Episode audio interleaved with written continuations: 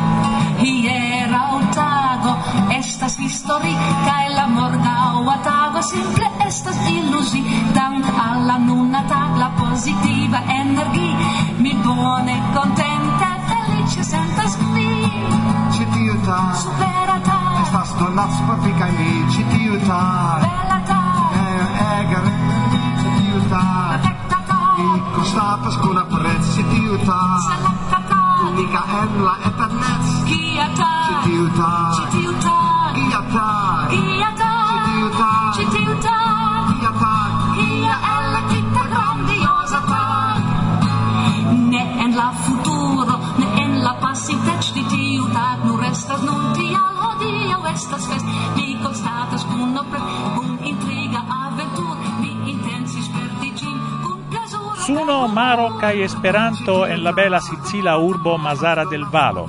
Mi bonvenigas vin al auscultado de la tria rapporto pri la sepdecnaua Esperanto congresso in Italujo. Anime sentu vin kun ni. Cora in saluto in al ciui auscultantoi de Varsovia Vento. Bonan auscultadon. En la Sicila urbo Masara del Valo, nome de la organiza comitato, parolas Brucio Casini.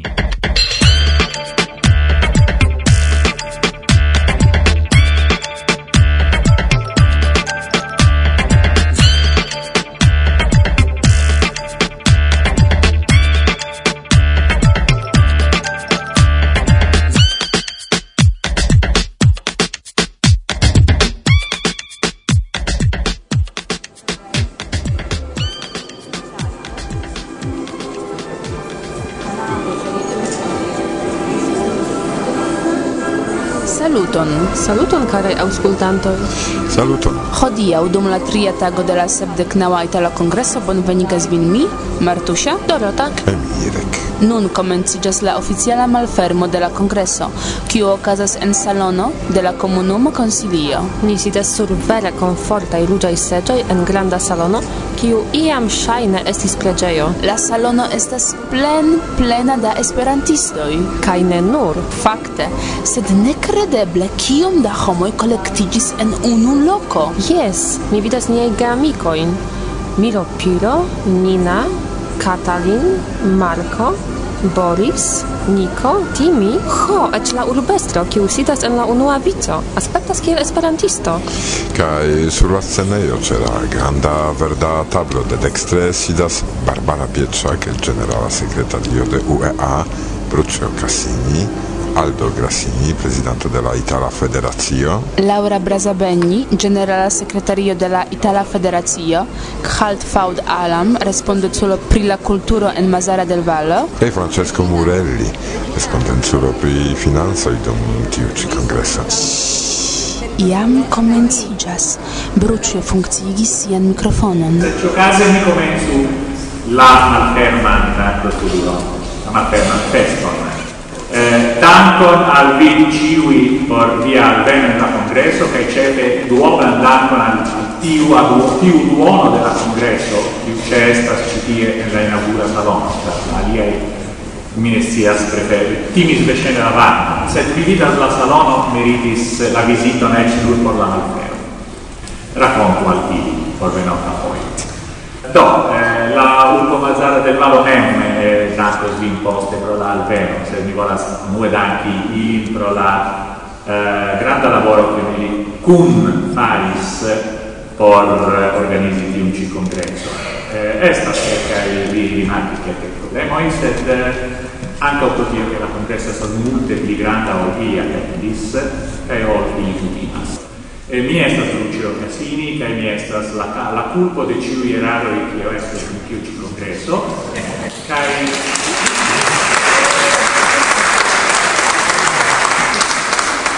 sed ankaŭ mi kontribuis al ĉiuj bonaj aferoj della la Aldo Grassini, presidente dell'Italia Esperanto Federazione.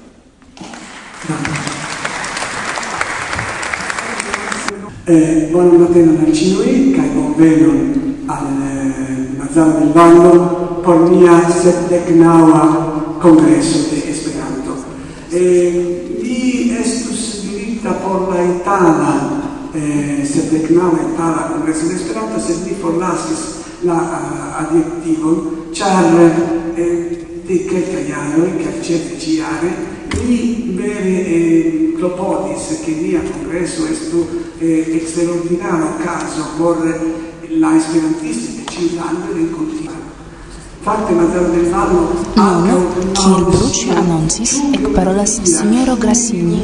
Fakte la parolado ne estas longa. Koncize li priskribas kulturon kaj geografion de Mazara del Vallo. Eh, mi esperas che ci tie en eh, Mazzara del Vallo ci havu belega semajno, kie oni povas labori, oni povas eh, interkonatiĝi, kiu estas la ĉefa celo de Esperanto, oni povas ankaŭ escursi, kaj vidi la belaĵojn de ĉi tiu eksterordinara eh, regiono kiu estas Sicilio.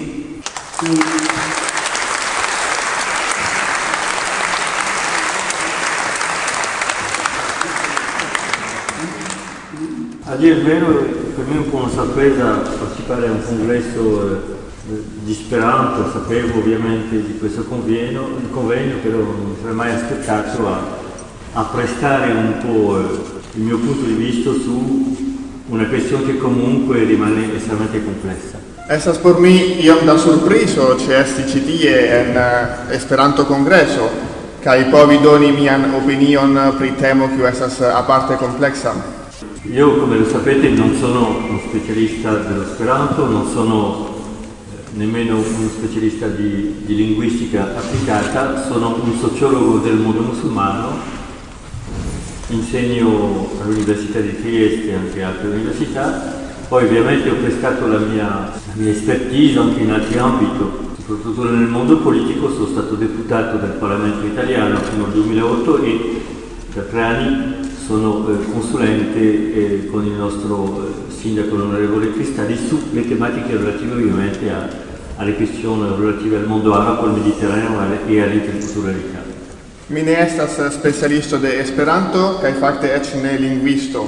Mi estas spertulo pri uh, islama mondo kaj islama kulturo. Mi pri tio uh, estas profesoro alla Universitato de Trieste kaj en mia vivo mi estis ankaŭ itala deputito en uh, ĝis 2008 Kai ek de tri jaroj mi estas consilanto de la urbestro giuste pri arabai temoi kai mediterraneo. Nun parolas profesoro, kiu specialiĝas pri la araba kulturo kaj ties interrilatoj. La parolado estas kvazaŭ prelego pri la historia kaj politika fono de la nuntempa situacio en kulturo kaj ne nur pri kulturo. Jes, ankaŭ pri lingva aspekto en historio kaj politiko ricartura vizaĝo de la aŭskultantoj. Ĉu tiu virino dormas? Ne, ne, ŝi nur fokusiĝas. Ah! Rilato tio estas uh, foje ni bezonas utopiojn por uh, respondi al tiaj demandoj kaj Esperanto povus esti iaspeca da utopio en tiu senso. Do mi alvenas nun alla fine de mia parolado kaj mi, mi vere pensas che foje la homaro bezonas utopio in kai Esperanto povas esti unu el tiaj utopioj, sed ne en malbona sento, sed eh, giuste en positiva sento, positiva, positiva utopio, creiva utopio, kiu estas konstrua kaj necesa por helpi en tiu processo uh, eh, intercomprenigi la, la popoloin. Do, koran dankon.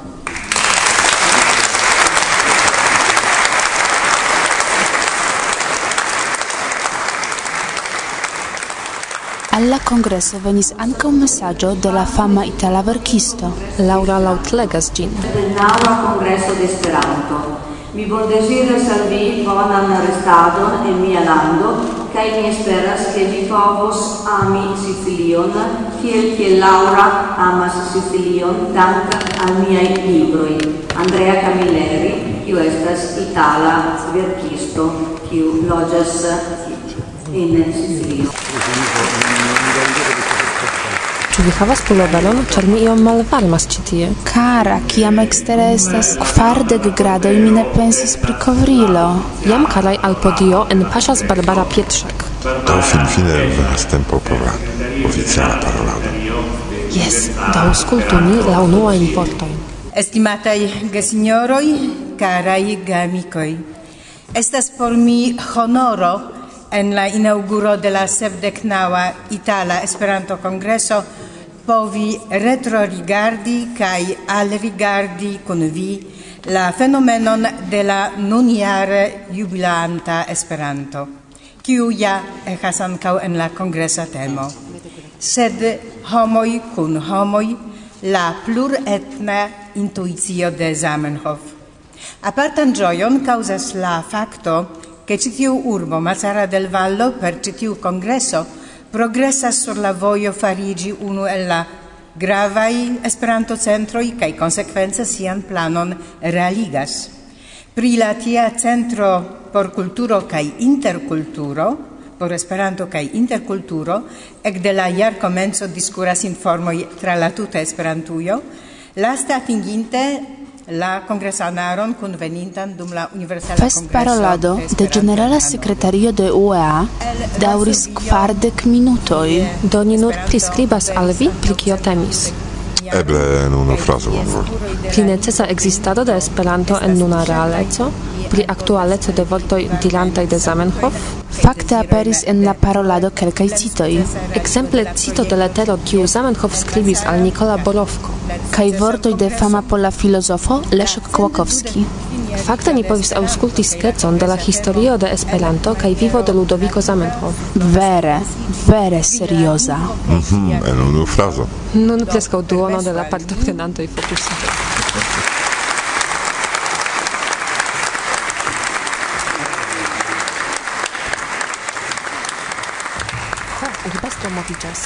ŝajne venas tempo por lia mesaĝo. Bedaŭru, ke vi ne vidas kiom da homoj kun aparatoj ekstaras kaj fotas. Kaj poste eble venos tempo por la komuna fotado kaj autografoj. Do eble ilu ni pli proksime, por ke ankaŭ mi ricevu autografon. Bonega ideo. Sed ilu ni atente, ĉar la planko stridas. Jes, ĝi estas farita de ligno. Eh, Proksimiĝu ni. Organizzare questo affascinante evento nella mia città. Kaj mi volas danki la presidanton Aldo Grassini, kiu organizis la eventon kaj ĉiuj kunlaborantojn por organizi tian gran, grandiosan eventon en mia urbo. Quando con il dottor Casini abbiamo cominciato a parlare di questo evento, ho trovato del tutto naturale che l'Esperanto trovasse una sede a Mazzara del Vallo. Kiam mi komencis paroli kun doktoro Cassini pri tiu ĉi evento, mi trovis tute natura afero, ke Esperanto trovu hejmon ĉi tie en Mazzara del Vallo.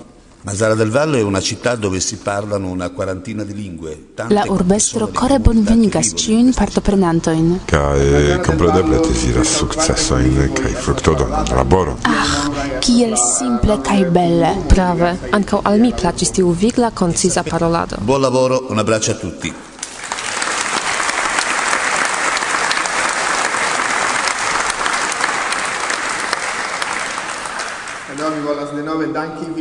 por astici tie, mi clopodo sekvi la laboro in la verontai horoi che i se miei i permesos kion al mi, Tamen mi certas che tiu ne esas la nura ocaso por rencontigi, certe esas multai o caso i la estontezzo, che do mi fine volas mondesiri al vi bonan laboron, che grandan bracumon al vi ciui.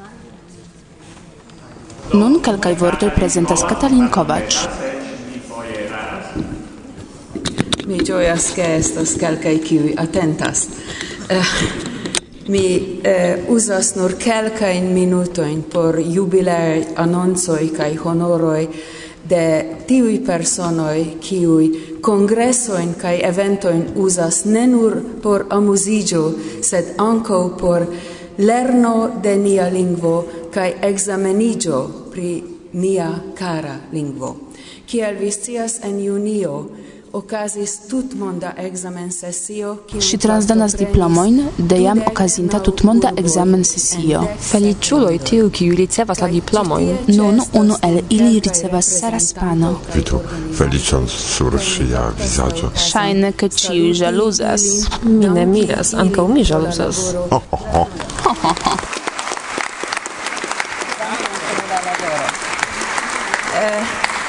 Gabriella Di Martini el Vicenza venos nur vespere, mi petas iun, kiu konas au estas el Vicenza eh, transpreni la diplomon. Ni havas gis nun naucent, nau, eh, sepdec sep candidatoin. Ni povus atingi la milan.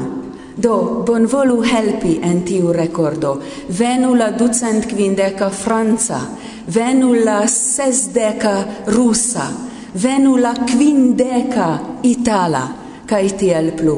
Mi attendas vian aligion cae desiras salvi successan clerigion crom la amusigio dum tiu congresso. gratulo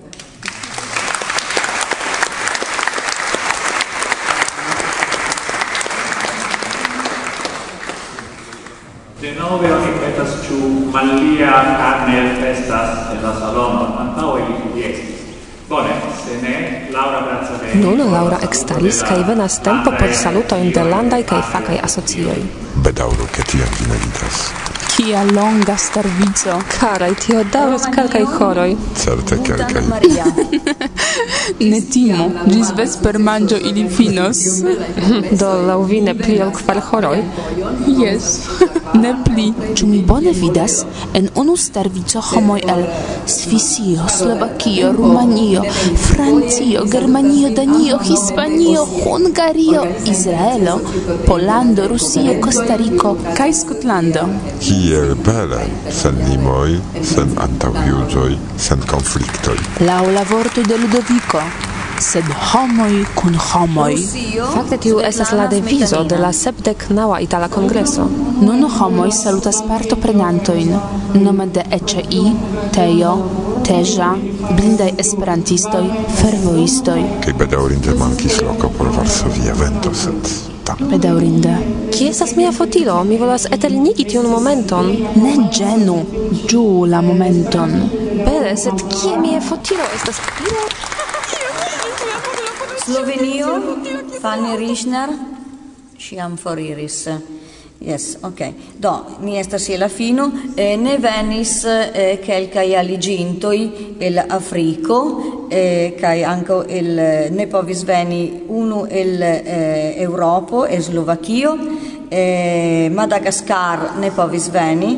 Eh, mi volas saluti nome de Congo, eh, char devis veni Victor Lucolama Lupinfu, sed malbonchance ili ne la vison por veni citio, kai ancau eh, personui el Mali, Algerio, kai Angola. Eh, bedaurinde ili ne ricevis la vison por veni citie, anche se ili pagis por la tuta congresso, anche se ili ricevis eh, invit letteron, bedaurinde. Dankon. rigardu, homo ekstaris kaj kantas. Martusia, ne parolu, kantu. En la mondo venis nova tempo.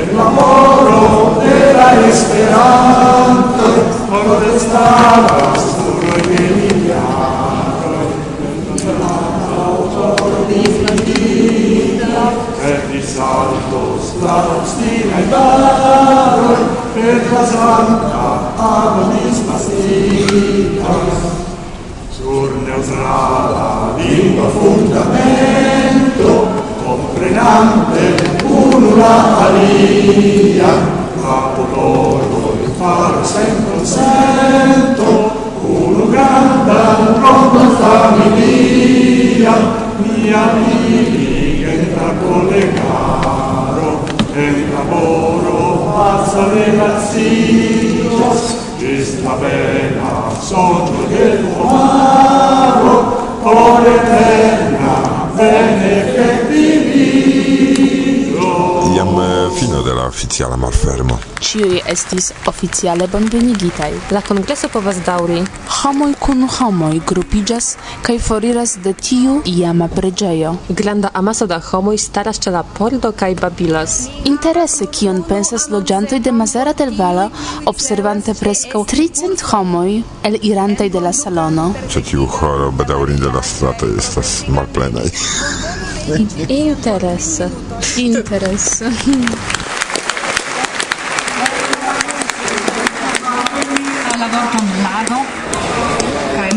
la lago lageto kai ci tiu canto nomiĝas la lageto de mia vivo. Kai fakte estas am canto kai eh, unu diras alla alia vi estas kiel milda pluvo por mi. Kai eh, kiu sin garde donas akvon al mi kvazaŭ mi estis floro tamen kelkfoje vi estas kiel fulmo tondro kiu sen kiu dronigas preska dronigas tiu saman floron. Tamen mi permesas vin. Ne gravas. Char mi shatas ondoin sur la lageto de mia vivo. Kai vi donas al mi la ondoin. Kai ci tiu danso kun vi donas reliefon al mia vivo. Estas eh, la lageto tageto de mia vivo kaj kun bela rekantaĵo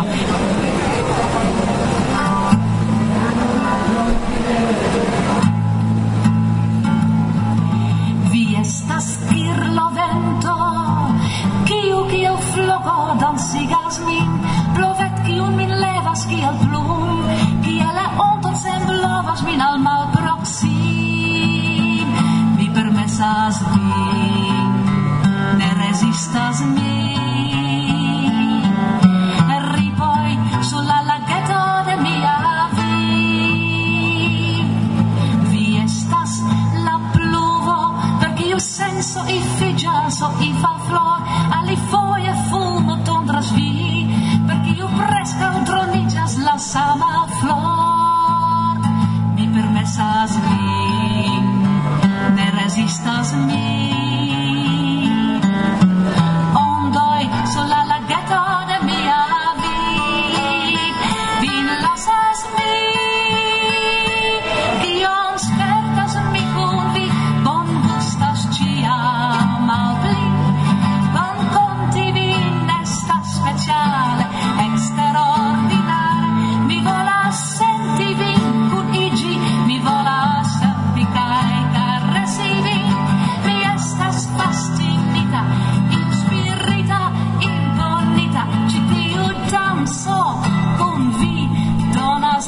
compania vi. Vi estas la sumo per kiu vaporiĝas la nudo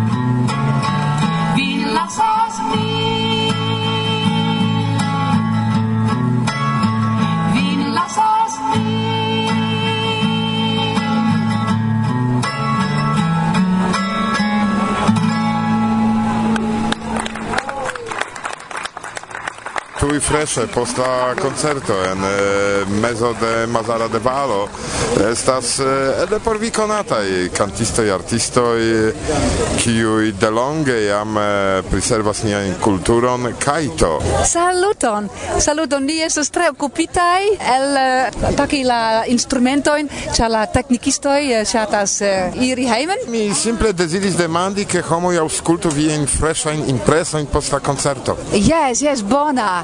Bona ideo. Yes nun estas tute energie kaj kun adrenalino pri la concerto. ni ni estis ne eh, en falcila concerto, cia estas uh, multe de bruo, sed la speciala facta estas la vetero, la la atmosfero, la la homo kotopo eh, sur la placo kaj la la bruo ne estas facila por ni, sed por la atmosfero estas magnifico. Sed mi vidis multaj homoj eh, italoj kiuj staris kaj aŭskultis vin. Ja, ni ne povis eh, vidi eh, tion, char la lumoi ege brilegis en niai oculoi. Do, care auscultantoi, al eh, interviuo con Kaito ancora ni revenos, char vi tion ne vidas, sed mi vidas, che ili estas iomete lacai post la concerto tamen, felicai, do vi non tempe raitas saluti ciun homoi en la mondo, kai poste ni rencontigios dum via ateliero, kai babidos iomete pli longe. Ah, yes. yes. Bone, bona nocton. Io ne, bona nocton, yes. Dankon. Dankon.